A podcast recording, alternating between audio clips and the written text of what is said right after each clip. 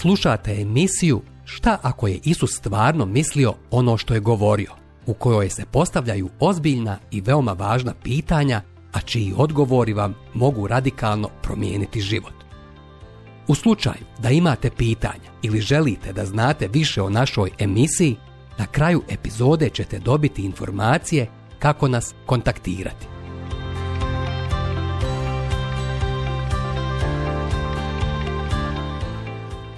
bebe koje su mi promijenile život. Bilo mi je tek 19 godina kada sam stigao na Bliski istok na jedan semestar studiranja. Veoma brzo sam počeo volontirati tri dana sedmično u dječjem domu koji je osnovala majka Tereza.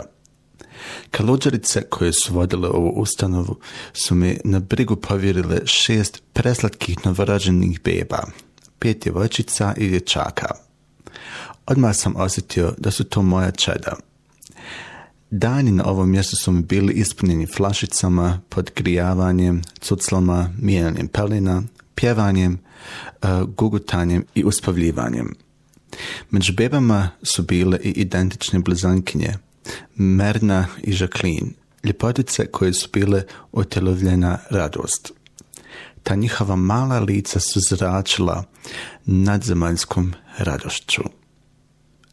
Tek nakon nekoliko mjeseci vidio sam da su blizankinje više nisu u domu. Iako sam znao da je to dobra vijest, jer im više nisu bili potrebni posebno njega i staranje, to jest da su vraćeni roditeljima, srce mi je ipak bilo tužno. Jako, jako su mi nedostajale.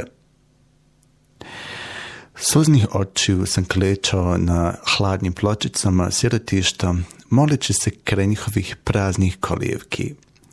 A molitva mi biješe vrlo jednostavna. Bože, pobrini se za te djevojčice. Dovedi im u život nekoga ko će ih voljeti, ko će im reći za Isusovu ljubav. I to je bilo to. Tada sam malo znao kolika molitva će biti moćna. Elem, Sjećam se i ljeta kojim sam nakon okončanog semestra napustio Kairo. Avion još nije ni poletio, a ja sam bio obliven suzama toliko da mi je stjordesa donijela obrus. Ali ja sam ga upotrijebio za našu drugu. Trebalo mi je pet minuta za napisati sljedeće riječi koje su mi prosto kuljale iz srca. Plaču kolivke prazne, a i u srcu mom prazina zjapi. Od časa kad su djeca vraćena kući, da se više ne vrate. Tek tako otići od tih dušica dragih koje sam u naruču držao. Mogu li ih predati nebeskom ocu da im osuši svaku suzicu? Gospode, hvala za trenutke, za dane provedene s ovim tvojim biserima, za mnogo naučenih lekcija, koje samo vječnost može da izmjeri. I ako ikada više ugledam za živote te bebe moje, iz sveg srca ću reći, gospode, hvala ti još jednom. Vratio sam se u Ameriku i nastavio školovanje, a slike beba za koje sam se brinuo pokrivale su zidove moje sobe. I dalje sam se posebno molio za moje blizankinje. Dvije godine kasnije, sa diplomom fakulteta u ruci, odletio sam za Liban. To je, barem bio moj plan, ali ne i Boži. Izbio je rat, mnogo problema u vezi mog boravka tamo i božanskim promislom sam se ponovo našao u Kairu. Tada sam razumio ono Davidovo, ali ja se u tebe uzdam, gospode, i kažem, ti si moj Bog. Vrijeme je moje u ruci tvojoj. Psalom 31. od 14. do 15. stiha. Jasno je čiji su se planovi promijenili. Boži nisu, ali moji jesu, jer sam tada baš otpočeo rad sa djecom koja su živjela na ulicama, sa izbjeglicama i omladinom. Jednog decembrskog dana 2006. godine odlučio sam se služiti na ulicama jednog dijela grada. Prolazeći kraj grupe djece začuo sam desetogodišnjaknju kako me pita Parlez-vous français? Arapski je zvanični jezik Egipta, pa me njen francuski iznenadio. Pošto sam ovim jezikom vladao od malena, uzvratio sam joj i prijateljstvo je odmah rađeno. Zvala se Lobna Upoznao sam joj roditelje i saznao da su im djeca studirala u Francuskoj. I toj djeci sam postao tutor, pa i daljim rađacima, kao i rađacima ovih rađaka. Ali hajdemo preskočiti nekoliko narednih mjeseci, ali moj mali francuski učenici i ja sjedimo oko rašlimanog plastičnog stolića u lobninom domu udubili smo se u konjugaciju glagola u perfektu, naravno na francuskom jeziku. Oko nas je bilo smeća za izvod, ali i svaki čas su nas e, prijetile kokoške.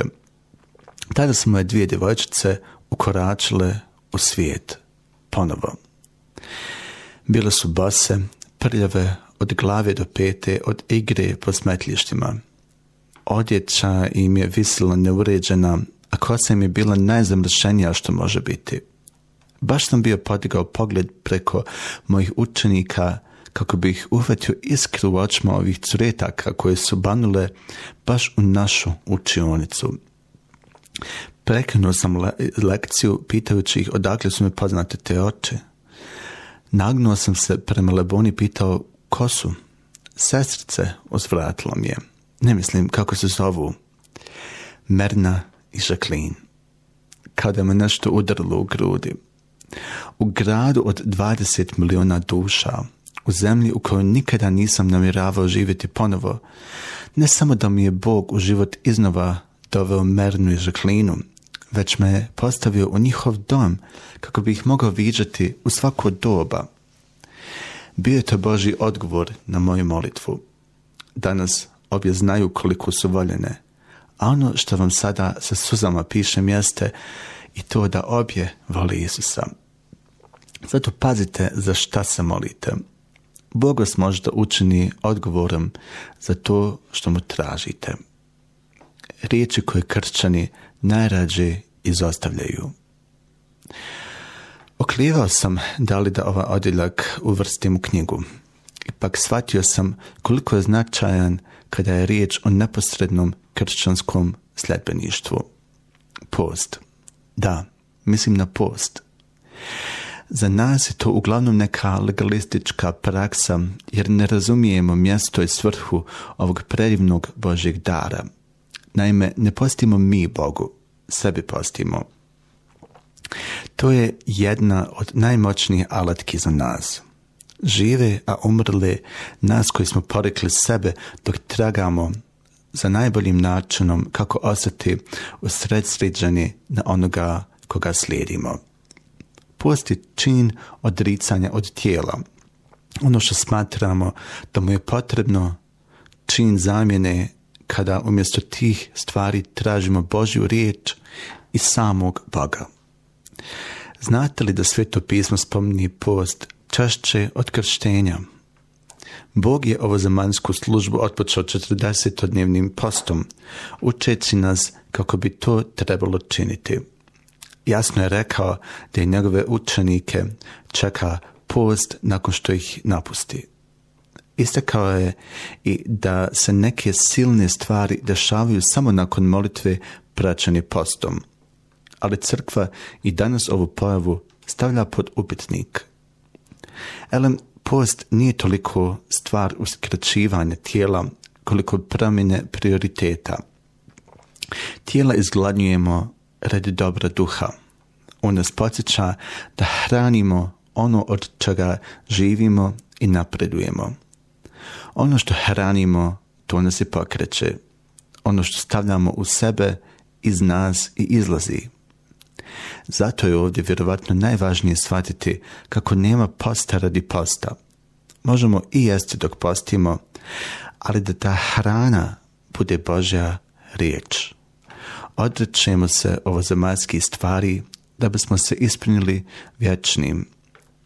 Znate, u danima posta volim redovno sjesti za sto i jesti. Ponekad mi je na jelovniku samo knjiga ponovljenih zakona, baš ono čime se Isus hranio postići prema Mateju četvrto poglavlje. Ili se služimo knjigom proroka Izaije, a omiljeno mi je jelo evanđelje po Mateju. Nema sumnje da post liči na odricanje sebe u mnogo čemu i ne samo u hrani što se tiče naših tjelesnih prohtjeva. Ipak ne zapostavimo očigledno u Svetom pismu se post najčešće ticao hrane. Zanimljivo mi je da sam samo od kršćana na zapadu i u Singapuru čuo kako mi je post onemogućen radi zdravstvenih razloga. Ali ohrabrujem vas da redovno postite, da se uzdržavate od hrane radi novog usrđenja tijela. Neka se tijelo podsjeti šta je najpreče. Na, na posljedku, nije najvažnije šta Bog čini po nama, jer On to isto može po bilo kom drugom. Važno je šta čini u nama, jer mi smo mi, jedini, i On se želi proslaviti u nama. Ako bismo da ga slijedimo, moramo se odreći sebe. Dopustite mu da bude vlasnik vašeg srca, uma, duše i snage. Dok živimo s gospodom, on nam otvara oči da vidimo ono što vidi. Što se više molimo, više shvatamo koliko nam je očajnički potreban. Nije stvar u tome da mu se nikada ne vapimo u očajanju. Stvarni problem je što propuštamo uvidjeti kako smo uvijek u takvoj potrebi za njim. Koliko se molimo da budemo odgovorni na nečije molitve? Koliko često se molimo da bismo bili to isto na sobstvene molitve? Da li se u molitvi i postu radi o tome da od Boga dobijemo ono što nam je potrebno? Ili se radi o potrebi promjeni našeg srca kako bismo i sami osjećali tu njegovu ljubav, straz za drugim dušama, njegov uvid i shvatanje stanja u kojem smo. Drugi princip sljeđenja Isusa. Podsjetimo se. Dakle, prvi princip nam kazuje da je Isus taj koji određuje tempo našeg sljedbeništva. Molitva i post su njegovi darovi kojima nas uči hodu s njim. Drugi princip na koji možemo računati dok nas Isus vodi glasi – on je već bio tamo, gdje god i što god to bilo i što god nas očekuje. Okolina Merninog i Žaklininog doma je vremenom postala i moj dom. Iako kanalizacija nije radila, iako su uvijek nicale nove gomile smeća sa njihovim leglima pacova, njihov kraj mi je postao jedno od najdražih mjesta na planeti. Jednom prilikom smo mama i ja, kada smo došli u posjetu, prošli kroz dio u kome su pacovi baš vladali. Mama ih i nije voljela vidjeti, a oni su bili baš pozamašni. Jedan ljubazni komšija, vidjevši nju kako se gadi, ponudio se hodati ispred nje i plašiti ove nemanji, kako ih barem ne bi gazila. Vidjelo se koliko mama mi prijelo ovo dobročinstvo – nema sumnje da tako i Bog ide pred nama i na predine načine priprema put. Zamislimo se nad time. Prosto znamo da je svaki naš korak on već prvi načinio. Ne čitamo li, jer mi imamo prvosveštenika koji je u stanju suosjećati sa našim slabostima, budući da je prošao kroz sva iskušenja kao i mi ali nije se griješio. Stoga pristupajmo sa pouzdanjem prijestolu milostivog Boga, da primimo milosrđe i nađemo e, milost u čas kad mu zatreba pomoć. Hebrejima, četvrto poglavlje, od 15. do 16. stiha. Lako nam je vjerovati mu kada nas vodi zelenim polinama, kako kaže psalam 23 tamo gdje nam duša počiva. Ali isti psalom ispovjeda njegovo vođstvo i dolinom smrti sjeki. Pa čak i onda kada sjedimo i jedemo pred licem svojih dušmana. Dakle, Božje vodstvo nije u tome da nas sačuva od nevolje, već da bude s nama u nevoljama. Podjednako dobra vijest je i ta što se kreće iza nas – prorok pročuje, jer u žurbi izlaziti nećete i bježati nećete, zato što ispred vas ide gospod, a iza vašeg stroja je Bog Izraelov. Izaija 52, 12. stih. prošli smo okruženi njime, njegovom prisutnošću.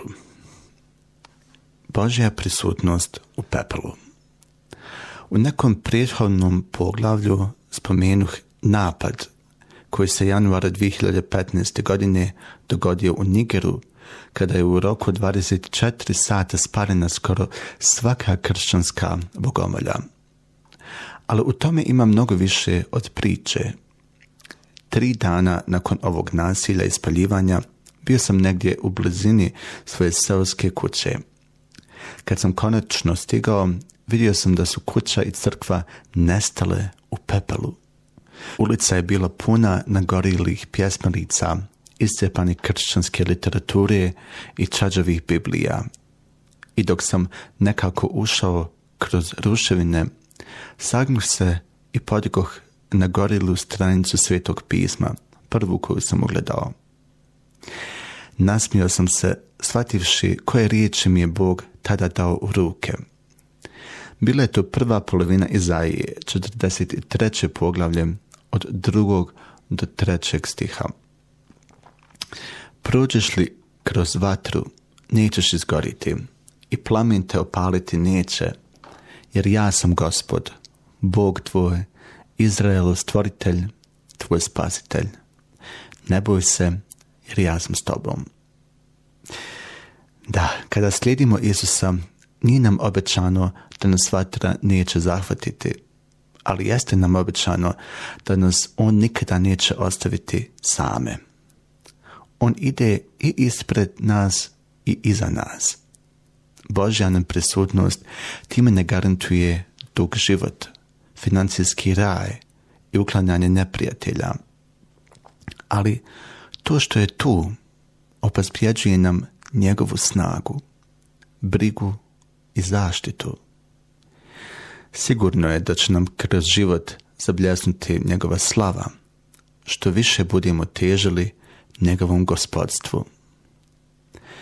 Zato se držimo jednostavnosti ovog i ovakvog sljedbeništva. U njemu su izvjesnost i istina. Gledamo Isusa koji ide ispred nas. Mislimo na njega koji nam je spasitelj dok nosimo svoj križ kao živi koji su umrli. On će nas sve bezbjedno odvesti kući, u dom. Pitanja i odgovori. Prvo, kako se možeš zaštititi od opasnosti zamjene bliskost sa Bogom zauzetošću za Boga? Dva, kakva je uloga molitve i posta u tvom životu dok učiš kako najbolje slijediti Isusa. I tri, u kojim životnim okolnostima možeš se držati obećanja Boga koji u isti mah ide i ispred i iza tebe.